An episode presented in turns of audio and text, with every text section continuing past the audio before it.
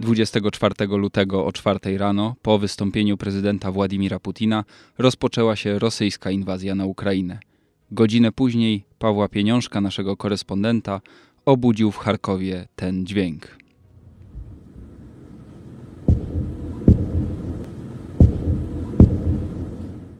Słuchacie podcastu Tygodnika Powszechnego. Przy mikrofonie Krzysztof Story.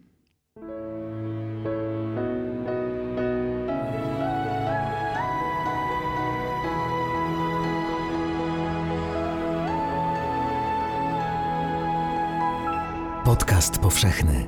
Weź, słuchaj. Niestety chyba wielu z nas do końca życia zapamięta, co robiliśmy i gdzie byliśmy w ten poranek, kiedy usłyszeliśmy o rosyjskiej napaści na Ukrainę. 24 lutego o godzinie 12.40 czasu polskiego udało mi się połączyć z naszym korespondentem Pawłem Pieniążkiem i zapytać, jak dla niego zaczął się ten dzień. Mnie obudziły dźwięki artylerii i ostrzałów ogólnie, nie wiem dokładnie co to było, ale prawdopodobnie była to artyleria. Słyszałem wybuchy, bardzo wyraźnie. E, przez to, że to słyszałem je wielokrotnie, to wiedziałem od razu, co się dzieje. I nocowałem u znajomych, pobiegłem do ich pokoju i ich obudziłem, dlatego że w ich pokoju nie było praktycznie nic słychać. Więc ich obudziłem i, i od razu zaczęliśmy krążyć. Ja się spakowałem, oni też już przygotowali rzeczy, co niestety bardzo e, smutne. Oni wczoraj oddali swoje bilety na pociąg do Lwowa, bo stwierdzili, że ach, pewnie nic się nie wydarzy, bo każdy sobie to próbował racjonalizować. No i teraz e, czekają, aż, e, no, aż będą mogli coś zrobić, aż będą mogli wyjechać, e, bo te bilety się pojawiają sporadycznie, po jednym, po dwa, więc nie zawsze udaje się je kupić. A du dużo czasu mi zajęło, żeby znaleźć ten bilet do Kijowa, no i teraz nie wiem, czy pociąg przyjedzie, bo są bardzo duże opóźnienia. Moment, kiedy Paweł czekał na spóźniony pociąg do Kijowa, był jedynym, w którym mogliśmy spokojnie porozmawiać, choć na przepełnionym dworcu trudno o spokój. Tło dźwiękowe tego nagrania nie spełnia może studyjnych wymogów jakości, ale na pewno dobrze oddaje chaos panujący wtedy w Ukrainie. Wielu z nas jeszcze dzień wcześniej sądziło, że do inwazji nie dojdzie, a kryzys uda się zażegnać dyplomacją. Zapytałem naszego korespondenta o to, czy takie samo zaskoczenie przeżyli Ukraińcy. Nie, nie, nie zgodzę się. W sensie takim, że po, po wystąpieniu e, prezydenta Władimira Putina było już jasne, że to zmierza do wojny, że to nie była w tym przemówieniu rzecz o Donbasie, tylko była rzecz o Ukrainie. I to było jasne, tam nie padło słowo wojna, ale było jasne, że ta wojna już jest wypowiedziana, więc wtedy bardzo dużo osób to zrozumiało. Oczywiście wiele osób się nie przejmowało tym i, i, a, i żyło jakimś swoim dotychczasowym życiem, ale też bardzo wielu Ukraińców zdawało sobie sprawę, że sytuacja staje się niebezpieczna, bo rzeczywiście początkowo trochę traktowano z przymrużeniem oka, nie wyglądało to na coś takiego, co, o czym opowiadały zagraniczne wywiady. Nie wyglądało to, że może dojść do jakiejś takiej, e, do inwazji na taką skalę. Ale to się zmieniło, te odczucia, kiedy to wydaje mi się był poniedziałek w nieuznawanych republikach, czyli na terytoriach niekontrolowanych przez Kijów Donieckiej, Ługańskiej, obwodów Ługańskiego i Donieckiego, zaczęto ewakuować ludzi i Rosjanie e, zaczęli robić obozy dla uchodźców na swoim terytorium. A później wystąpienie E, prezydenta Władimira Putina, które pokazywało ewidentnie, znaczy było z niego jasne, że tu chodzi o wojnę, że zupełnie nie chodzi o Donbas, tylko roszczenia terytorialne są dużo większe. No i choć słowo wojna tam nie padło, że ona ma być wypowiedziana, to jednak wszyscy rozumieli, że to wszystko już do wojny zmierza, więc bardzo wielu Ukraińców zdawało sobie tego sprawę. Choć oczywiście byli tacy, którzy się tym jakoś strasznie nie przejmowali, to jednak wiele osób, mówię, rozumiało, że do czego to wszystko zmierza. Relacje Pawła Pieniążka pokazują, że nawet z perspektywy dziennikarza pracującego na miejscu wydarzeń, ocena aktualnej sytuacji na froncie jest trudna, a często po prostu niemożliwa.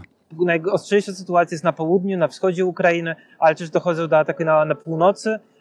Sytuacja jest tam niejasna, ale ostatnio pojawiły się informacje, że e, doszło do ataku w obwodzie, no, na, przez granicę w obwodzie kijowskim sytuacja jest bardzo dynamiczna, ona się ciągle zmienia, więc trudno tak naprawdę być na bieżąco, trudno mieć dokładne informacje, bo co chwilę są one inne i one się zmieniają. No, nie da się być też z perspektywy dziennikarza tutaj na miejscu, nie da się być wszędzie.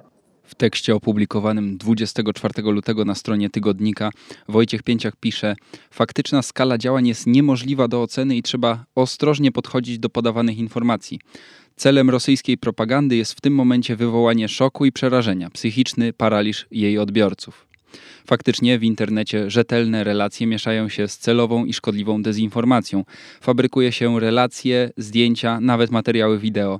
Zapytałem Pawła o to, jak ma się odnaleźć w tym zwykły użytkownik, jak zweryfikować informacje, których zweryfikować się nie da nie da się tego precyzyjnie określić, więc też e, uważam, że po prostu takie śledzenie tych wszystkich newsów bardzo, bardzo na bieżąco nie ma sensu, bo po prostu weryfikowanie ich cały czas jest po prostu niemożliwe, w sensie takim, że oglądanie każdego filmiku e, to no, jest po prostu niemożliwe do zweryfikowania.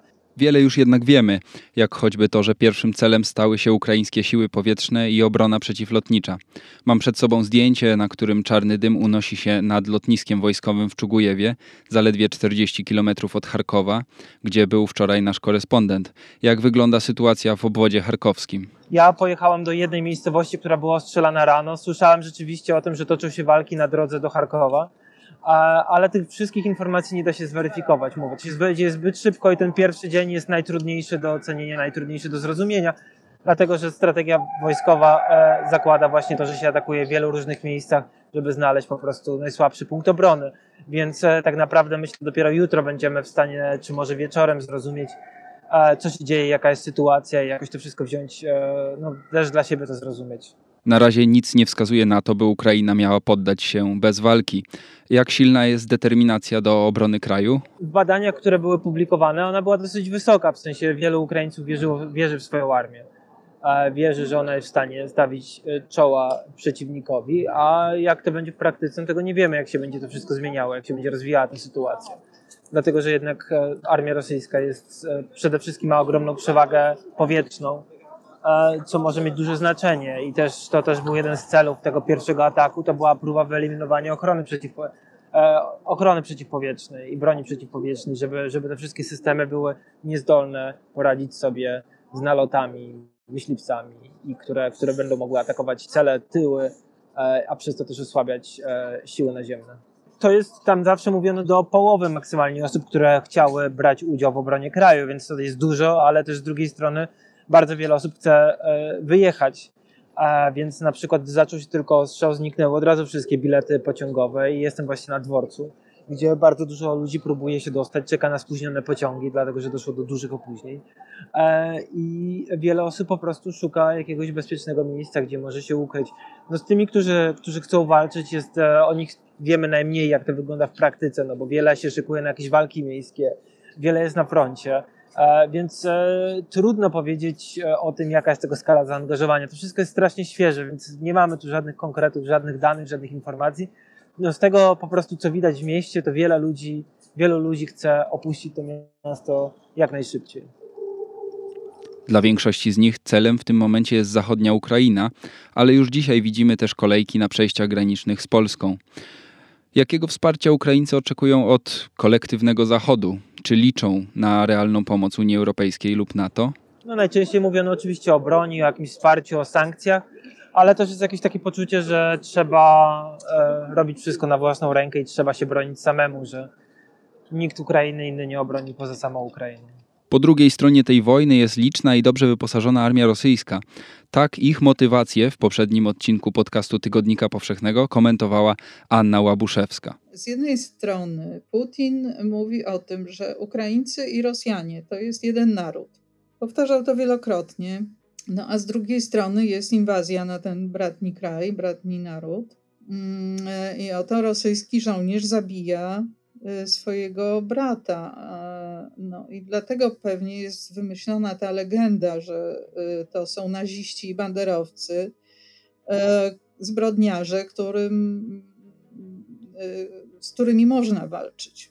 Y, na razie nie widać żadnych przejawów tego, że rosyjska armia odmawia wykonania takich rozkazów zbrodniczych.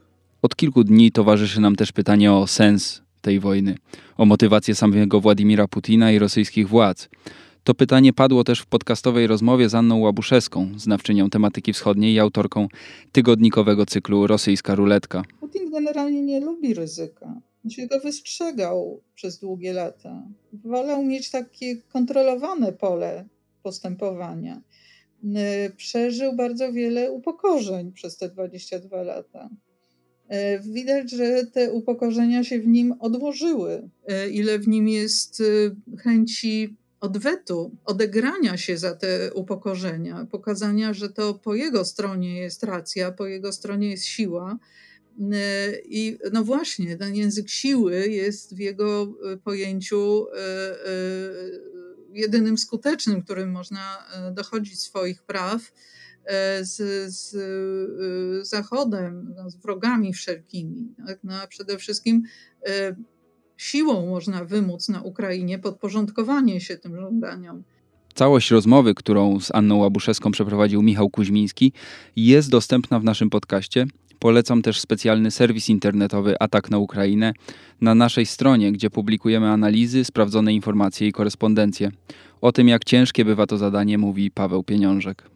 Oczywiście nie da się być wszędzie, dlatego ta liczba informacji jest ograniczona, ale, ale jasne, jest taki chaos informacyjny, że ja mówię, ja sam nie jestem w stanie we wszystkim się tutaj odnaleźć i sam nie do końca rozumiem, o jakiej skali tego wydarzenia mówimy, szczególnie, że zmienia się to bardzo szybko i kolejnie pojawiają się cały czas nowe informacje. 24 lutego Ukraina zerwała stosunki dyplomatyczne z Rosją. Co chwilę dostajemy od tego czasu nowe informacje dotyczące walk, ofiar, zniszczeń.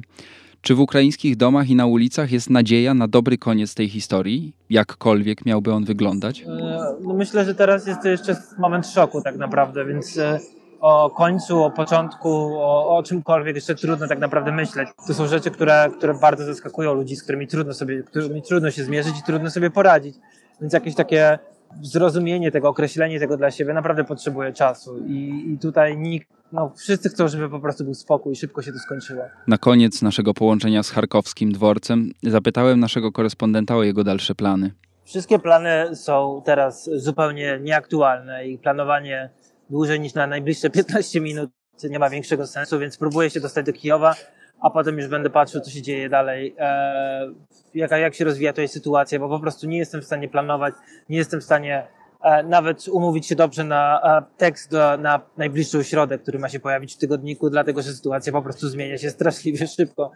E, więc, e, więc tutaj niestety wszelkie planowanie już dawno umarło i nie mam, e, nie mam możliwości tutaj zrobić nic w tym kierunku, żeby, żeby coś przewidzieć, zaplanować, bo, bo sytuacja jest zbyt chaotyczna. To była relacja Pawła Pieniążka, korespondenta tygodnika z Charkowa. Wiemy, że Paweł bezpiecznie dotarł do Kijowa, dalej będzie dla Was relacjonował wydarzenia w Ukrainie. Mam nadzieję, że usłyszycie go też jeszcze w podcaście w nieco spokojniejszych okolicznościach. Dziękuję Wam za wysłuchanie tego odcinka. Ja nazywam się Krzysztof Story, a w podcaście Tygodnika Powszechnego opowiadamy Wam świat za pomocą najróżniejszych dźwięków i głosów. Możemy to robić także dzięki Waszemu zaangażowaniu i wsparciu w serwisie Patronite, za które z całego serca dziękuję. Jeśli ktoś chciałby dołączyć do grona wspierających nas, można to zrobić na stronie patronite.pl ukośnik podcast Tygodnika Powszechnego. Ja jeszcze raz dziękuję i do usłyszenia. Współwydawcą podcastu powszechnego jest Fundacja Tygodnika Powszechnego. Jeśli słuchają nas Państwo w Spotify albo w Apple Podcast, zasubskrybujcie nasz kanał. Jesteśmy też w Google Podcast i w aplikacji Lekton oraz na www.tygodnikpowszechny.pl/podcast.